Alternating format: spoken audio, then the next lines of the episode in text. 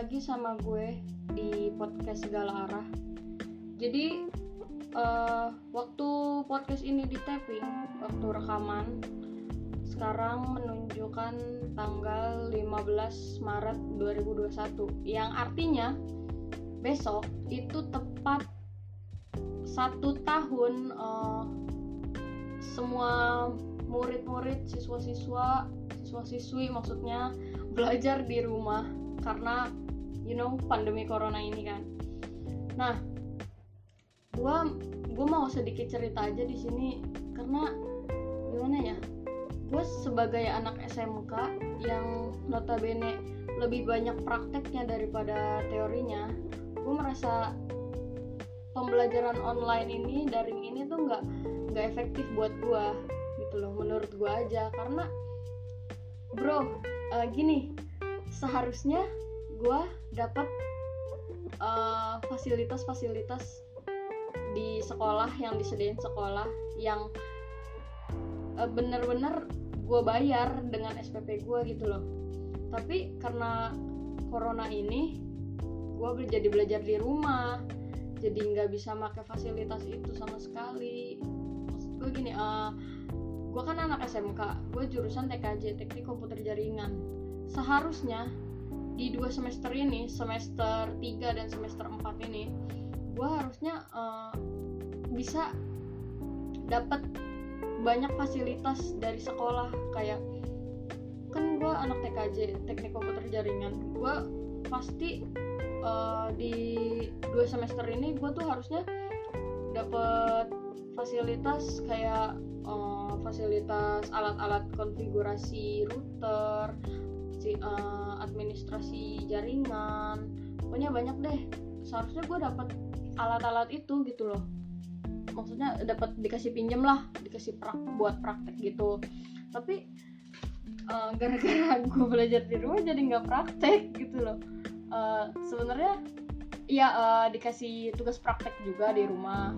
Sambil di videoin gitu atau kirim foto. Tapi enggak ya nggak efektif aja menurut gua. Karena kalau misalnya di sekolah kan kalau di sekolah nih misalnya nih kita praktek kan terus kita bingung nih. Kita langsung tanya aja sama gurunya kayak gurunya tuh ada di samping kita. Jadi kita tinggal misalnya uh, pak ini gimana ya pak? Uh, gini gini gini gini. Pasti gurunya langsung ngasih tahu. Gua yang punya latar belakang keluarga yang gak ngerti-ngerti banget tentang IT tentang komputer. Cuma ada satu om gue yang ngerti. Gue ini berasa banget berdampak banget kayak gue misalnya nih uh, praktek di rumah. Nggak ada yang terlalu ngerti sama IT apa yang gue pelajarin pun nggak ada yang ngerti. Cuma gue doang karena gue mempelajari itu. Di saat gue pengen nanyain sesuatu yang gue nggak ngerti di praktek itu gue mau nanya ke siapa gitu loh. Gue gue nggak tahu gue mau nanya ke siapa. Kalau misalnya gue nanya sama guru gue pasti slow respon. Karena yang nanya bukan gue doang. Kan banyak tuh guru-guru yang kalau kita WA itu balesnya lama. Gue awalnya awalnya gue kesel tuh guru-guru yang kayak gitu tapi makin lama makin lama gue sadar kalau yang butuh guru itu tuh bukan cuma gue doang. Pasti dia ngela uh, beliau ngeladenin siswa-siswi lain. Mungkin ya mungkin. Kali aja. Kalau di pikiran gue sih kayak gitu. Tapi uh, gimana ya?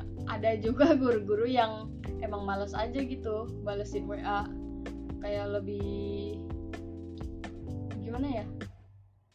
Lebih mereka lebih ngandelin kayak coba tanya teman kamu dulu makanya. Kayak gitulah gitu contohnya.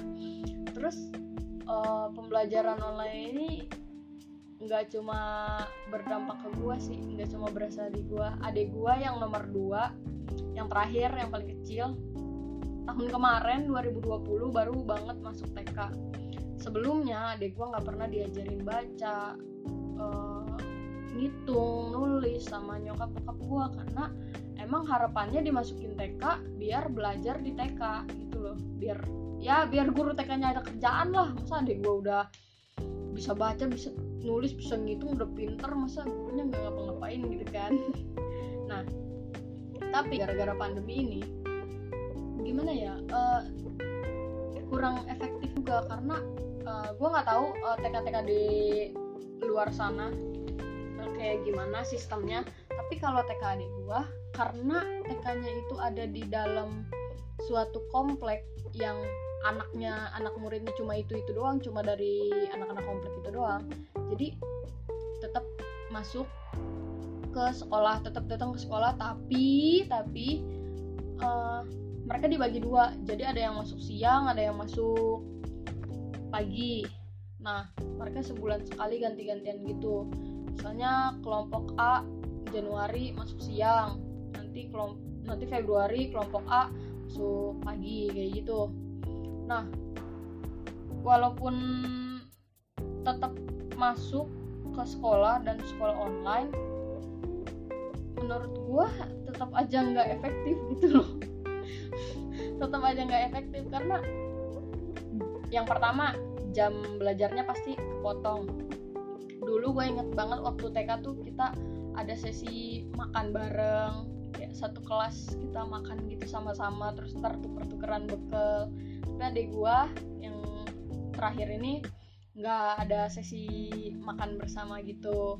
Cuma datang ke sekolah belajar bla bla bla bla main nyanyi nyanyi abis itu pulang.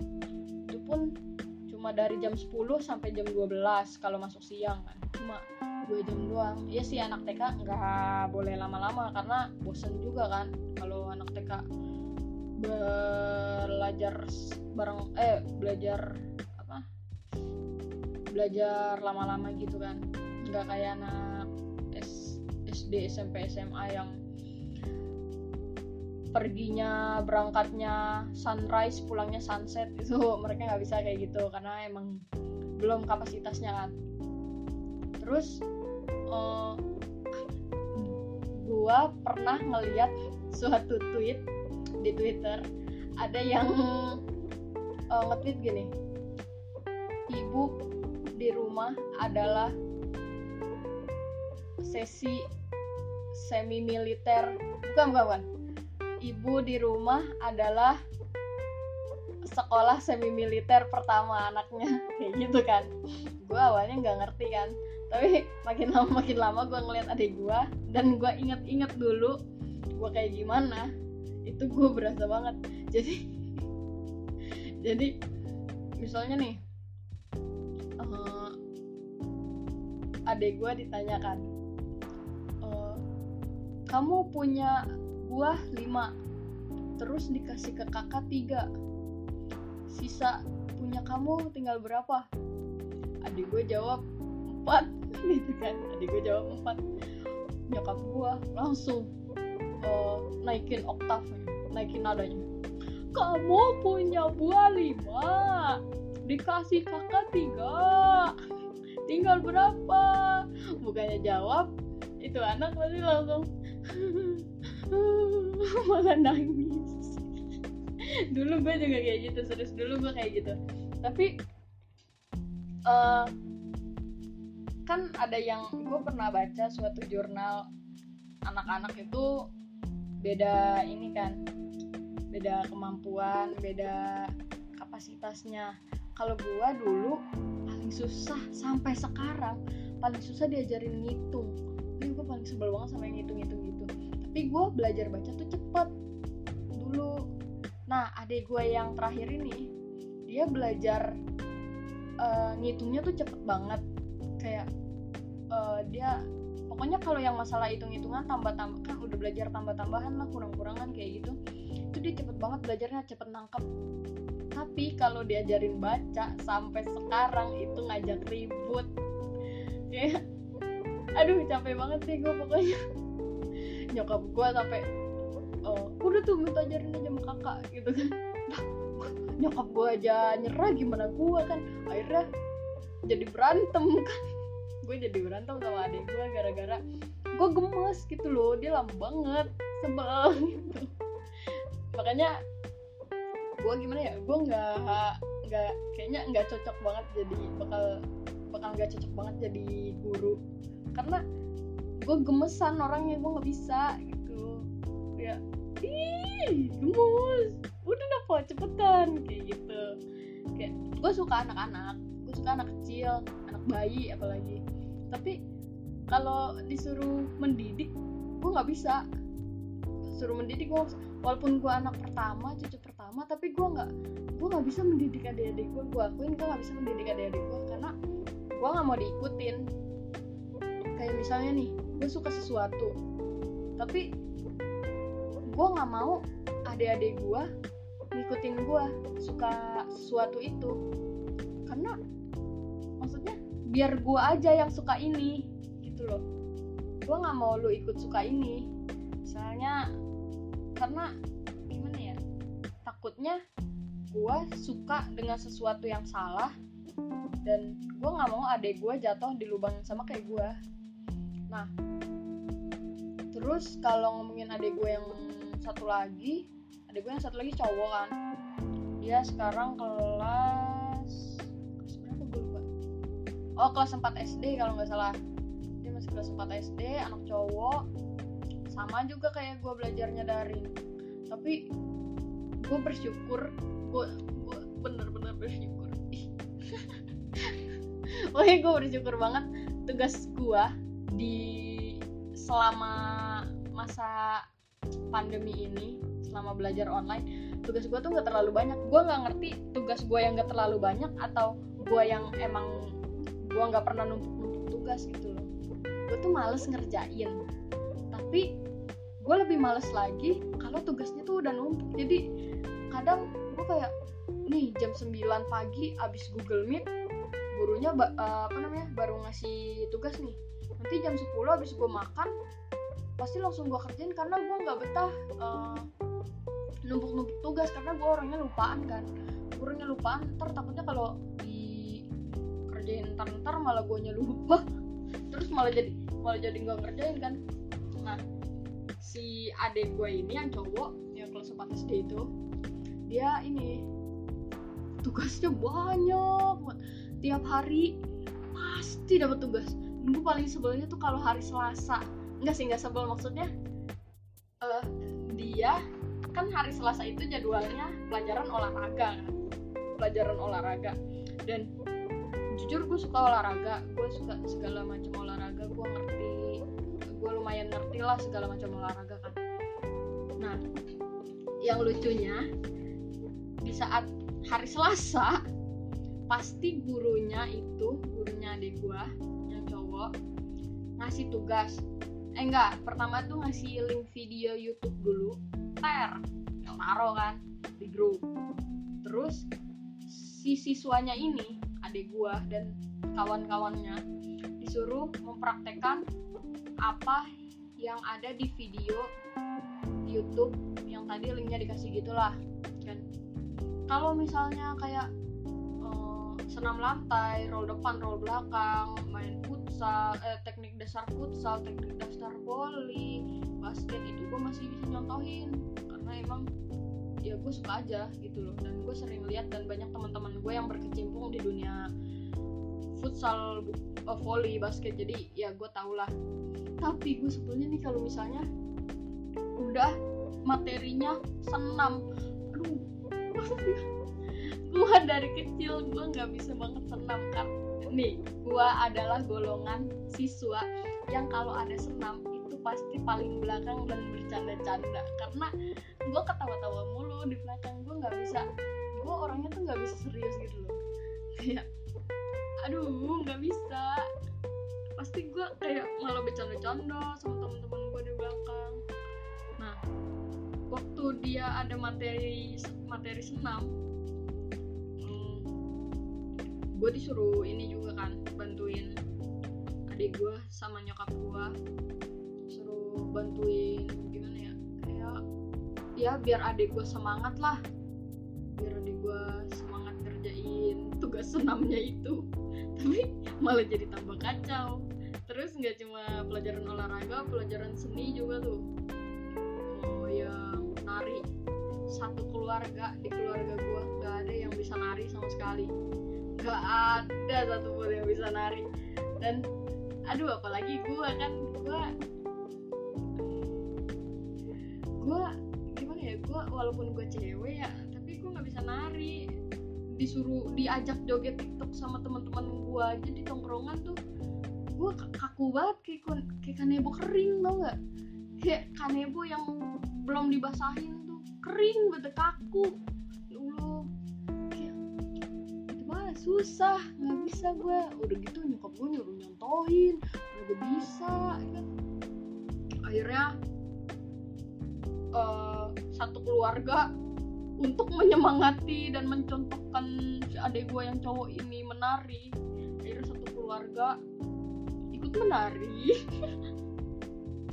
Pokoknya ada keluarga jadi ikut-ikutan bikin tugas nari gitu kan.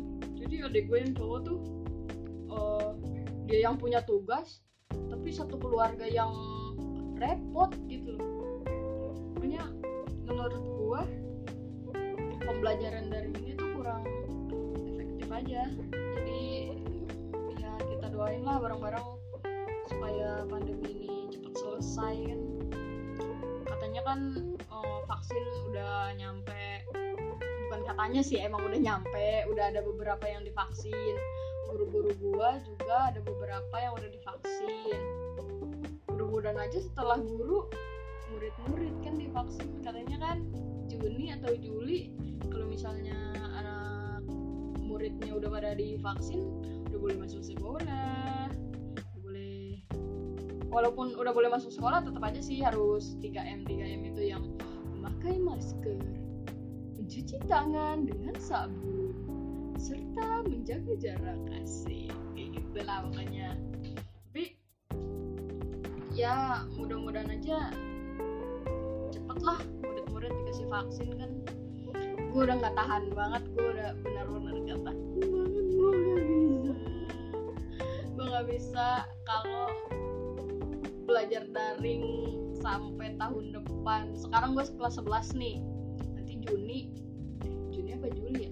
Juli lah Juli gue masuk ke kelas 12 udah naik ke kelas 12 Terus kelas 12 ada UTBK aduh. Kalau misalnya masih daring begini dan di kelas 12 gue UTBK gue gue nggak tahu deh. Yang pelajaran yang sekarang aja gue nggak nangkep gimana nanti pelajaran kelas 12 secara daring aduh. Aduh nggak bisa. Bukan nggak bisa sih tapi bukan kapasitas gue gitu loh. Gue nggak bisa nangkep pelajaran yang nggak dipraktekin. Karena jujur aja gue kalau misalnya dijelasin teori materi-materi itu gue nggak ngerti. Mesti dijelasin berkali-kali sedangkan Google Meet-nya aja cuma seminggu dua kali satu pelajaran. Eh cuma dua minggu sekali satu pelajaran sorry kalau misalnya masuk offline gitu ke sekolah kan bisa praktek. Kalau praktek gue ngerti walaupun gue nggak ngerti teorinya tapi kalau udah dipraktekin pasti gue ngerti. Gak tahu kenapa. Emang kayak gitu kali. Emang dasarnya udah anak SMK sih. Jadi lebih lebih ngeh ke prakteknya daripada ke teorinya maksudnya biarinlah teorinya nggak bisa yang penting prakteknya bisa kan daripada teorinya doang disuruh praktek nggak bisa dan jadi ya gimana ya menurut gua jangan pada bandel lah. Maksudnya tetap ke mana-mana tuh pakai masker jangan alasannya lupa tuh terus jaga jarak juga jaga jarak terlalu deket ntar udah deket baper ditinggal nangis. Itu apalagi mencuci tangan pakai masker eh mencuci tangan pakai masker mencuci tangan pakai sabun jangan pakai abu gosok pakai abu gosok mah. Ntar bukannya kena corona terus cuci tangan pakai abu gosok malah diare mencret mencret ntar corona kagak mencret mencret iya udah pokoknya hari ini gue mau cerita-cerita aja tentang keluh kesah gue karena tadi gue habis ujian dan udah habis ulangan dikasih dikasih tugas praktek juga lagi bikin video. Males banget bikin video karena mesti diedit edit lah inilah itulah. Gue bukan yang ngeluh bukannya nggak bersyukur. Tapi capek. Tapi walaupun gue ngeluh-ngeluh begini tetap gue kerjain. Kadang-kadang gue sambil sambil nulis nih misalnya nih dikasih tugas ngerangkum buku paket kan. Padahal di buku paket itu udah ada kenapa harus gue pindahin lagi dengan tulis tangan ke tulis gue padahal bisa dibaca di buku paket. Gue juga baca kok. Kan? Malah kadang-kadang gue uh, nulis nih ngerangkum. Gue ngerangkum bla bla bla bla bla tapi sambil ngeluh kadang-kadang. Tapi gue kerjain kayak ah, capek tapi gue kerjain gitu loh. Ya udah pokoknya gitu aja lah podcast di episode kali ini kan. Episode pertama kan kemarin kan gue upload trailernya uh, buat ngenalin podcast ini bakal gimana gimana. Mungkin episode berikutnya gue bakal ajak temen gue buat ngobrol-ngobrol di sini. Ngobrolin ya belum ketahuan lah nanti ngobrolin apa lihat. Uh, pokoknya kalian stay tune aja di podcast gue. Uh, jangan lupa follow. Kalau kalian dengerinnya di Spotify. Asik. Terus kalau kalian dengerinnya di aplikasi Anchor aplikasi kebanggaan kita semua. Kita eh kita. Jangan lupa kalian difavoritkan gitu. Terus apa lagi ya? Udah mungkin. Jadi ya. Sampai sini aja episode kali ini. Bye bye thank you